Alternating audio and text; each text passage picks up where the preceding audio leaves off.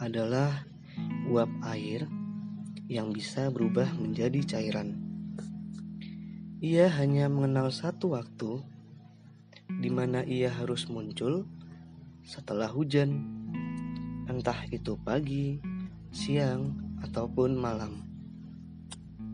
Tanpa sadar, embun memiliki energi positif, di mana embun memberikan suasana sejuk sesudah hujan. Kemunculan hujan yang dianggap menakutkan akan sembuh dengan datangnya embun. Pepatah bilang, setelah gelap terbitlah terang.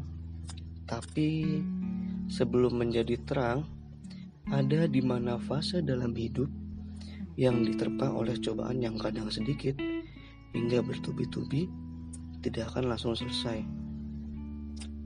Tetapi ada fase di mana harus menunggu dan sabar untuk menemukan pilihan yang terbaik walau bisa saja pilihan selanjutnya akan membuat embun itu kembali menjadi hujan yang akan awet ataupun menjadi terang seperti yang dikatakan oleh pepatah itu.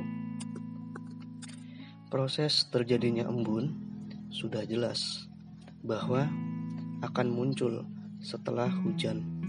Namun, kemunculannya membuat seakan diberikan dua pilihan, yaitu di mana ia harus mengulang proses sebelum kemunculannya atau mengikhlaskan kejadian selanjutnya. Banyak yang beranggapan jika kembali ke proses sebelum terjadinya embun akan menimbulkan beberapa aspek yang mungkin saja sangat menyakitkan karena sudah tahu bagaimana kejadian yang terjadi.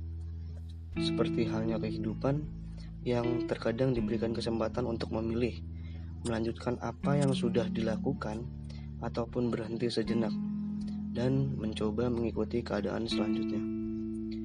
Seperti mengambang di antara dua pilihan yang sebenarnya sudah jelas akan terjadi.